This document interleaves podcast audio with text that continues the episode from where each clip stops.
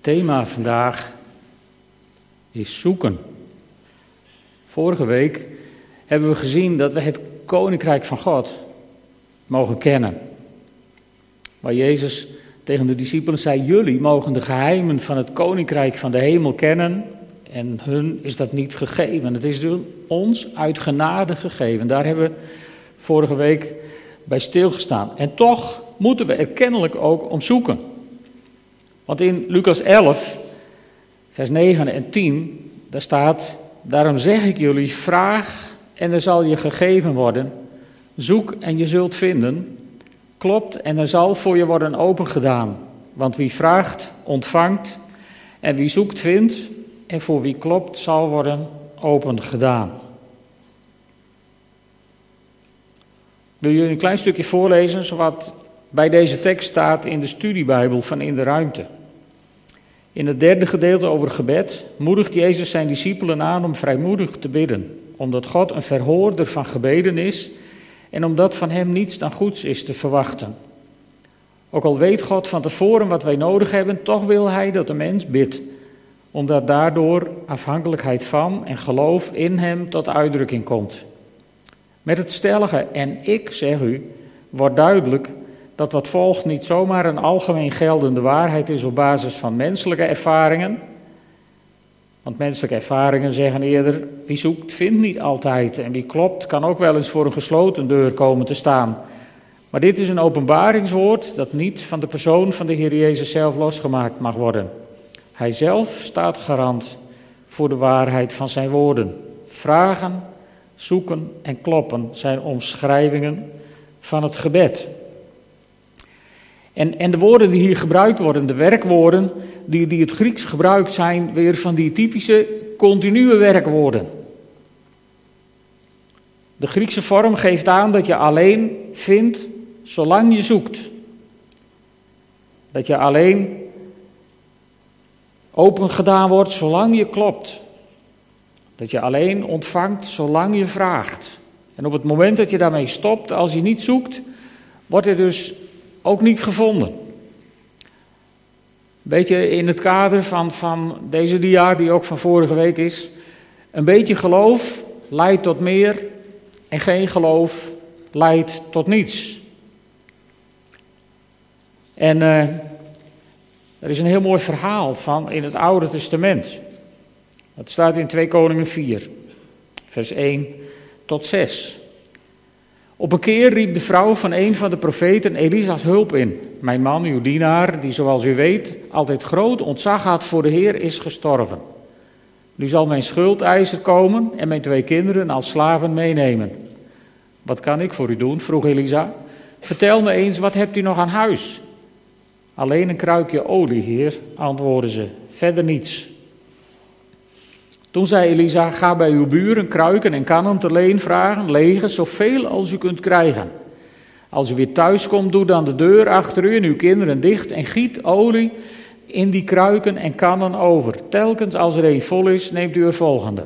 Thuisgekomen sloot de vrouw de deur achter zich, terwijl haar kinderen haar de kruiken en kannen één voor één aangaven, goot ze de olie over. En toen ze allemaal vol waren en ze haar zoon vroeg haar een volgende te geven, antwoordde hij... Er zijn er geen meer. En toen hield de olie op met stromen. Ik vind dit altijd een prachtig verhaal als het gaat over geloof. Die vrouw komt met haar grote nood, komt ze bij de man van God. En het eerste wat, wat Elisa vraagt is van wat heb je nog in huis? Met andere woorden, wat zou je zelf nog kunnen doen in deze situatie?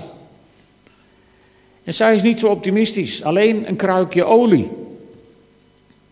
Maar goed, er is nog iets.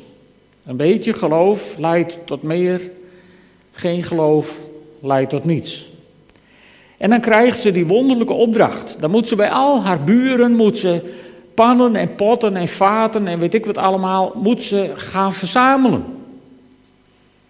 Nou, en ik weet niet hoe het met jullie is, maar als mijn buurvrouw bij de deur zou staan en die zou zeggen: Mag ik je pannenset en wat emmers en wat dingen even van je lenen? Dan zou ik vragen: Hoezo? En wat ga je dan zeggen? Wat ga je dan zeggen? Nou, dat vertel ik je later wel. Zo zitten wij vaak wel in elkaar. Geen risico nemen, dat vertellen we achteraf wel als het wonder is gebeurd. Maar ik denk niet dat ze daarmee weg is gekomen. Dus ze moest, ja, ze moest vertellen over haar verwachting. Ze moest vertellen over haar geloof. Met het risico dat ze beschaamd zou kunnen worden. En dan begint dat grote gieten. De ene emmer naar de andere, de ene pot naar de andere, raakt vol met olie. En dan vraagt ze te vergeefs om de volgende en dan is er niet meer en dan staat er toen hield de olie op met stromen. Ik ben ervan overtuigd dat ze toen ophield met gieten. Want je wilt natuurlijk geen olie over de vloer. Ik was laatst op een verjaardagsfeestje, ik zal niet vertellen waar.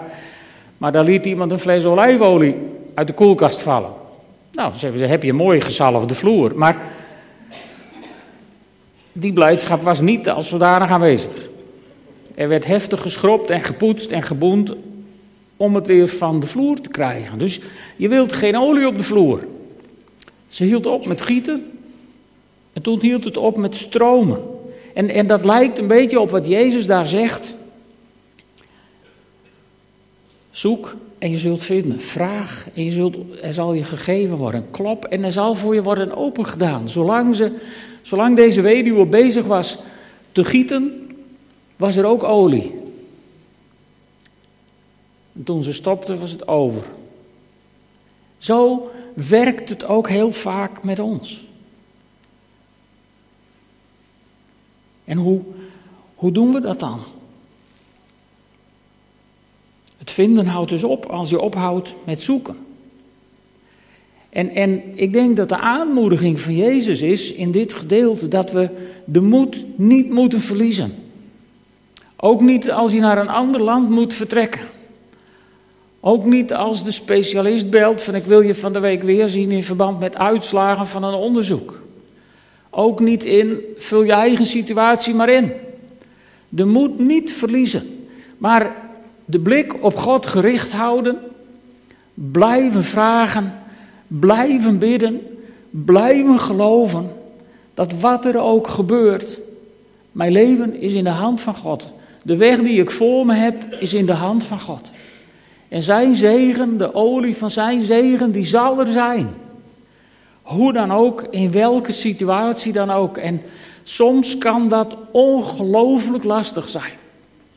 Soms kan het verschrikkelijk moeilijk zijn om, om die moed vast te houden. Daar wil ik niet mee draaien. Ook ik ken zulke situaties in mijn leven. Dat de grond je onder de voeten wegzakt. En dat je, dat je, dat je eigenlijk al je handen en voeten nodig hebt. Om, om die ene grashalm van geloof die je dan nog in, in bereik hebt, om die vast te houden. En je kunt dan zomaar het gevoel hebben dat die strohalm die je hebt vastgepakt, dat die je niet gaat houden. En dat het niet gaat werken. Maar als je hem vastpakt, ontdek je dat hij je wel houdt. En dat je wel houvast hebt gevonden. En na een tijdje krijg je weer wat vaste gronden onder de voeten. En dan kun je getuigen dat God je heeft vastgehouden, dat hij je niet heeft losgelaten. En dat weet je pas achteraf. Daarom, daarom begint het met geloof. Dan wil ik nog een, een, tekst onder jullie aandacht brengen die we vorige week ook hebben gezien. Toen hebben we vooral stilgestaan bij die woorden ondoorgrondelijk en onbegrijpelijk. Maar het eerste belangrijke woord uit dit stuk is onuitputtelijk. Er komt geen einde aan de rijkdom, aan de wijsheid, aan de kennis van God. Er komt geen einde aan zijn liefde voor jou. Er komt geen einde aan de kracht van God in jouw leven, hoe de situatie in je leven er ook uitziet. Dat einde, dat is er niet. Onuitputtelijk is de voorzienigheid van God. En weet je, dat, dat, zijn, dat zijn, zijn woorden om in te drinken in je systeem. Dit zijn eigenlijk het, het feit van dat, dat, dat de rijkdom en de wijsheid en de kennis van God onuitputtelijk is, dat zijn trouw zonder grenzen is, dat zijn liefde zonder maat is, dat, dat is, dat is een soort marinade waar je je geest in zou moeten leggen, zodat hij er helemaal van doordrenkt is. Wat de situaties in je leven dan ook worden, dan ben je daarvan doordrenkt en dan af en toe ruik je dat even. Maar vergelijk ik dat dan zo gauw even mee? Dat is misschien een hele gekke vergelijking, maar, maar, maar ik vind het leuk om af en toe een keer te koken, af en toe. En, en als je dan iets, iets maakt met, met knoflook en uien en je hebt dat gesneden en je hebt daar met je vingers aangezeten, dan, dan kun je je handen wel wassen, maar dan kan het maar zo zijn dat je andere dag je vingers ruikt en dan weet je weer wat je hebt gekookt. En dat is soms na twee of drie dagen is die geur nog niet uit je huid. Dat is wat ik bedoel. Zo moet je met dit soort teksten omgaan. Je moet jezelf marineren in dat geloof van die onuitputtelijkheid, van de rijkdom en de wijsheid en de kennis van God. Zodat je, zodat je als het erop aankomt, aan je vingers ruikt. En, oh ja, oh ja. Het is ook zo. Het is ook zo. Want ik weet niet hoe het jullie gaat, maar dit zit niet altijd vooraan in je gedachten. Zelfs niet bij een voorganger. Maar als het achter in je gedachten zit, als je hierin gemarineerd bent, in dit vertrouwen, dat die geur af en toe zo eens even voorbij komt en denkt, oh ja, zo was het, zo was het. Dan gaat je dat redden in omstandigheden waarin het leven je bij de handen om af lijkt te breken. Dan weet je plotseling, ja, zo was het. Zo was het. En dat houdt je overeind op momenten dat het erop aankomt. Daarom is het belangrijk om, om, om dit soort teksten gewoon je eigen te maken. Steeds eigener en eigener en eigener.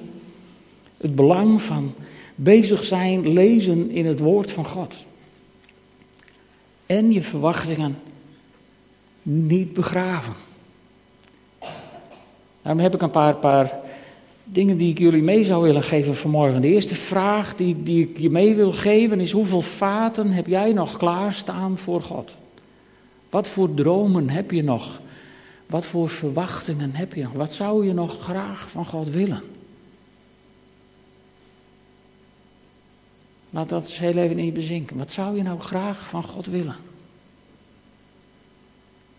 Als God hier nou een, een, een brievenbus neer zou zetten waar je je bestellingen in zou kunnen doen, wat zou je er dan in doen?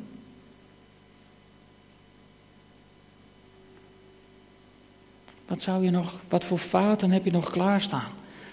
Voor God, of, of heb je überhaupt geen verwachtingen meer en geloof dat God nog iets wil met jouw leven? Of iets gaat doen in jouw leven? Geloof niet in de leugen dat God je heeft afgeschreven. Maar geloof dat God met jouw leven nog plannen heeft, volop plannen. Even los van de situatie van nu en van vandaag. Zo is het ook voor de gemeente. Heb je nog geloof voor open thuis? Dat God weer mensen gaat toevoegen, dat er groei gaat komen, dat we het volhouden met elkaar, dat het in het kinderwerk, in de nood, dat er voorzien gaat worden. Heb je daar geloof voor? Of ben je bezig de moed te verliezen? Want weet je, dat is ongelooflijk gevaarlijk. Volgens mij is namelijk het rijk van de duisternis erop uit om je altijd je moed te laten verliezen door het korreltje voor korreltje uit je leven weg te trekken. Zodat je op een gegeven moment in een soort negatieve spiraal terechtkomt en er eigenlijk geen geloof meer voor hebt dat het wat gaat worden. Er misschien eigenlijk geen geloof meer voor hebt dat ook jij goed genoeg bent en sterk genoeg en begaafd genoeg door de Heilige Geest in jouw leven om verantwoordelijkheid op je te nemen. Als God het voor je houdt. Je kunt het en je mag het. Je mag het leuk vinden, je mag ervan genieten. Dus dat was de volgende vraag eigenlijk, die ik je weet staan. Durf je een stukje verantwoordelijkheid op je schouders te nemen als je dat nog niet hebt? En dat zijn er niet zoveel, want hier wordt heel hard gewerkt door heel veel mensen. Maar durf je verantwoordelijkheid op je schouders te nemen omdat je erin gelooft? En misschien kom je hier al heel lang als gast in de gemeente. Ik zou je een beetje met schroom, maar ik zou je deze vraag ook mee, mee willen geven. Zou je, zou je willen overwegen om je aan deze gemeente te verbinden, omdat je erin gelooft? Of geloof je misschien niet in het idee van gemeente? Ik geloof in het idee van gemeente. Zou je, zou je dat durven? En welke vaten, zou ik zeggen, zou je nog meer klaar willen zetten? Vaten van verwachting in het koninkrijk van God. Want weet je, zoeken zonder verwachting is zinloos. Er staat nog zo'n leuk stukje over zoeken in, in de Bijbel. Als Jezus daarover vertelt, een aantal gelijkenissen. Een gelijkenis van één zin. Als een vrouw tien drachmen of zeg maar tien euro's heeft en er één verliest, steekt ze toch de lamp aan, veegt het hele huis schoon en zoekt ze alles af tot ze het muntstuk gevonden heeft. Tenzij je er niet in gelooft dat je het in je huis verloren hebt. Als je denkt van, uh, zal ik onderweg wel ergens weggesleept hebben, geen beginnen aan, daar zoeken we niet om, dan vind je het niet weer terug.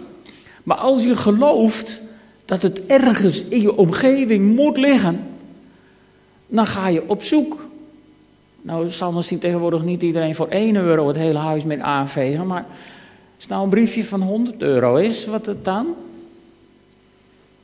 Dan, dan kun je toch de krantenbak binnenste buiten om te kijken of je er misschien nog ergens tussen ligt, of niet? Als je gelooft dat het ergens is, ga je anders zoeken. Denk ik, nou ja, het zal wel ergens wezen, maar ik heb geen idee waar, ik weet ook niet waar ik moet beginnen. En dan, ja, dan ga je anders zoeken. Dan zoek je niet serieus. Als je serieus zoekt, is dat een bewijs dat je gelooft dat het te vinden is. En dat is waar God volgens mij op zoek, als, uh, of naar op zoek is. Als Jezus zegt, zoek en je zult vinden, vraag en er zal je gegeven worden, klop en er zal voor je worden open gedaan. Dan bedoelt Jezus dat Hij wil zien dat je geloof hebt en dat je in geloof begint te kloppen en te vragen en te zoeken. En als God dat geloof ziet, gebeuren er bijzondere dingen. En nee, je krijgt niet altijd exact wat je zoekt. En wat je vraagt. Maar zolang je zoekende bent, wordt er gevonden. Zolang je vragende bent, wordt je gegeven. Want al zoekend ontdek je stukjes van het koninkrijk. Als je je hele huis aan gaat vegen om dat muntstuk, dan vind je in verborgen hoekjes onder het dressoir waar je een jaar niet geweest bent, dan vind je soms dingen waarvan je dacht, hé, hey, dat miste ik al een hele tijd, daar zocht je niet om, maar je vindt wel. Je vindt ook stof, maar dat kun je dan toch gelijk opruimen. Je vindt. Je bent bezig te vinden omdat je bezig bent met zoeken. En dat is het grote geheim denk ik, van het zoeken van het koninkrijk. Je zoekt alleen, of je vindt alleen, als je bezig bent te zoeken. En weet je, dan, dan komt hij weer aan. De beroemde tekst op de steen in de haal. God kan u meer geven dan dit. En als je dat niet gelooft, dan zoek je er niet om. Dan ga je ook niet meer krijgen dan dit. Als je denkt, kom ik even terug op een preek van van zomer van het volk Israël, wat, waarvan een deel zei, ach het gras is aan deze kant van de Jordaan eigenlijk ook wel mooi groen, ook goed voor de beestjes. Wij hoeven het beloofde land niet zo nodig in. Als dat je levenshouding is, dan ga je het beloofde land niet in. En dan ga je de beloftes van God ook niet vinden. Want die zijn in het beloofde land. En als je tevreden bent met de status quo. En ik denk dat dat op dit moment in, in, in, heel, in het hele Westen het grote manco is van de kerk. Er is een gezapigheid binnengeslopen. Er is een soort, soort tevredenheid binnengeslopen. En tevreden mensen is allemaal heel fijn en heel prettig. Maar als je tevreden bent met minder dan wat God je wil geven, dan ga je leven met minder dan wat God je wil geven. Is dat logisch? Ja. Voor mij tenminste. En daarom die uitdaging vandaag. Als je verlangt naar meer van het koninkrijk van God, ga dan op zoek. Ik ga niet specificeren wat je dan gaat vinden, want het zal ook anders zijn dan wat ik denk dat je gaat vinden. Maar ik ben er zeker van dat zolang we zoeken, zolang we God vragen, zolang we kloppen aan de deur, aan het vaderhart van God, dan gaat het vaderhart van God van ons open.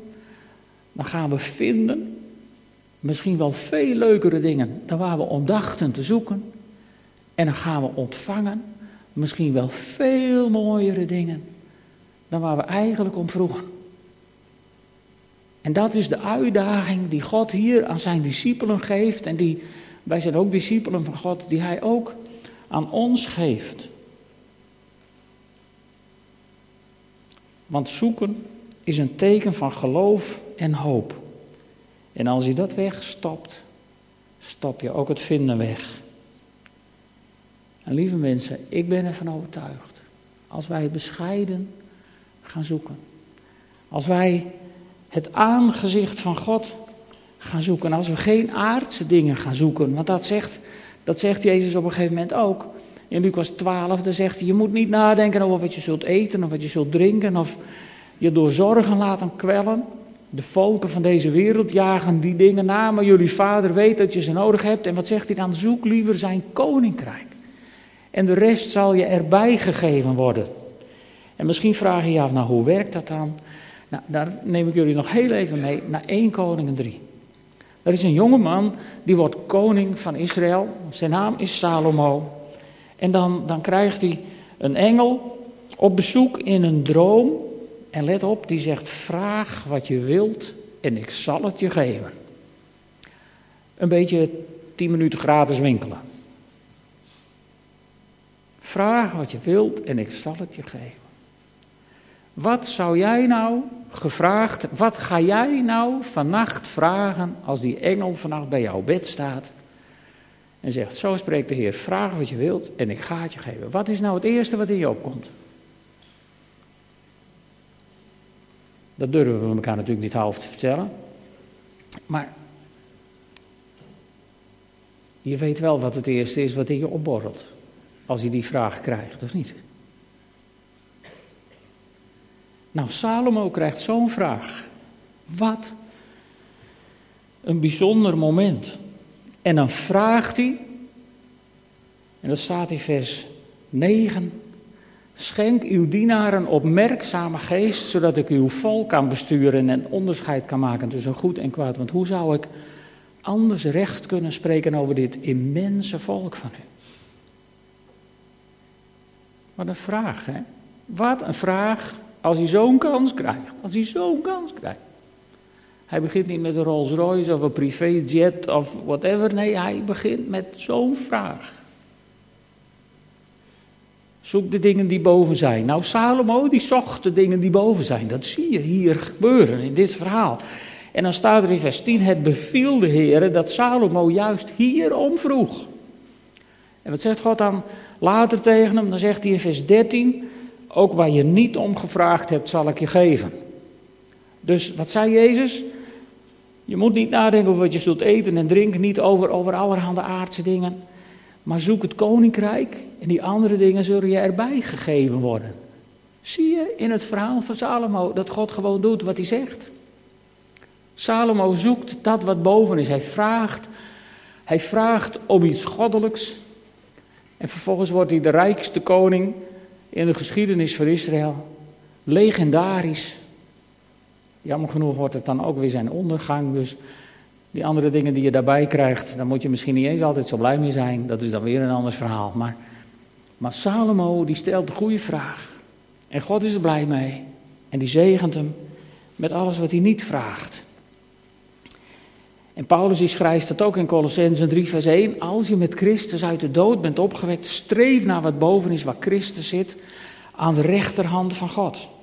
En hoe doe je dat dan? Nou, dat doe je door in de Bijbel te lezen, door te bidden, door tijd met God door te brengen in de stilte, want dan ga je van stralen. Herinneren jullie je dat nog van vorige week?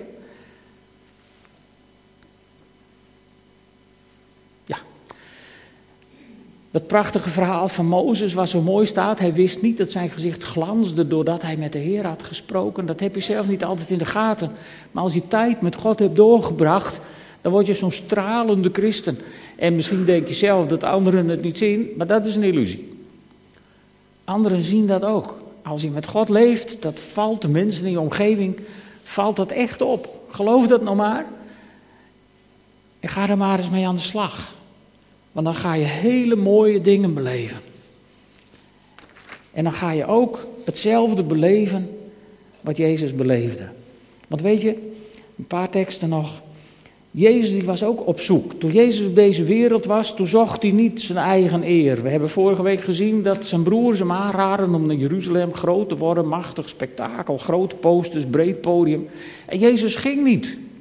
Want dat was niet wat hij zocht. In Lucas 19, vers 10 zaten mensenzoon is gekomen om te zoeken en te redden wat verloren was.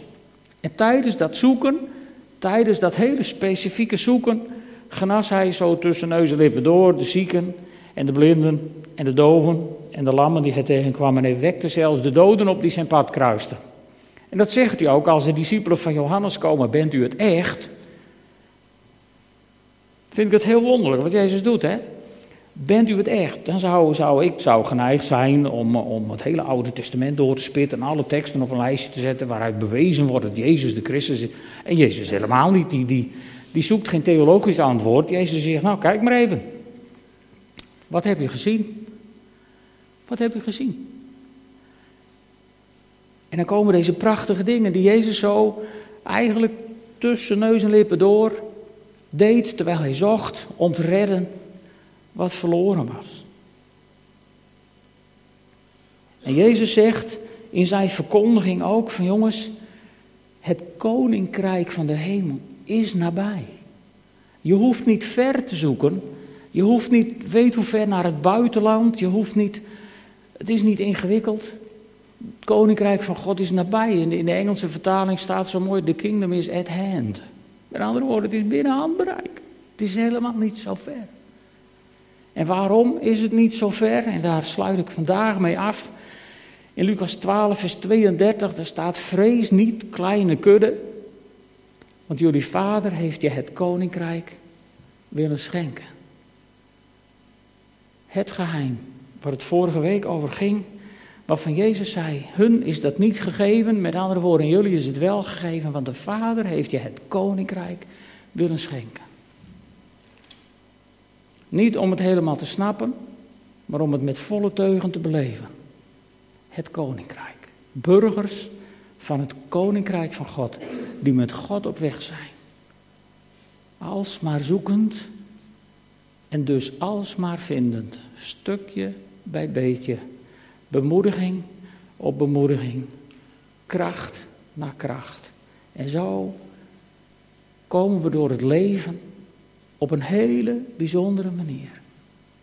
Gedragen, absoluut bovennatuurlijk af en toe. En vooral als je terugkijkt, dan denk je, hoe ben ik door deze tijd heen gekomen? En dan is er maar één conclusie. Praise the Lord. God heeft me gedragen. Hij heeft me overeind gehouden. Dat is wat ik je toewens. Dat je zo gemarineerd wordt in de volheid van God.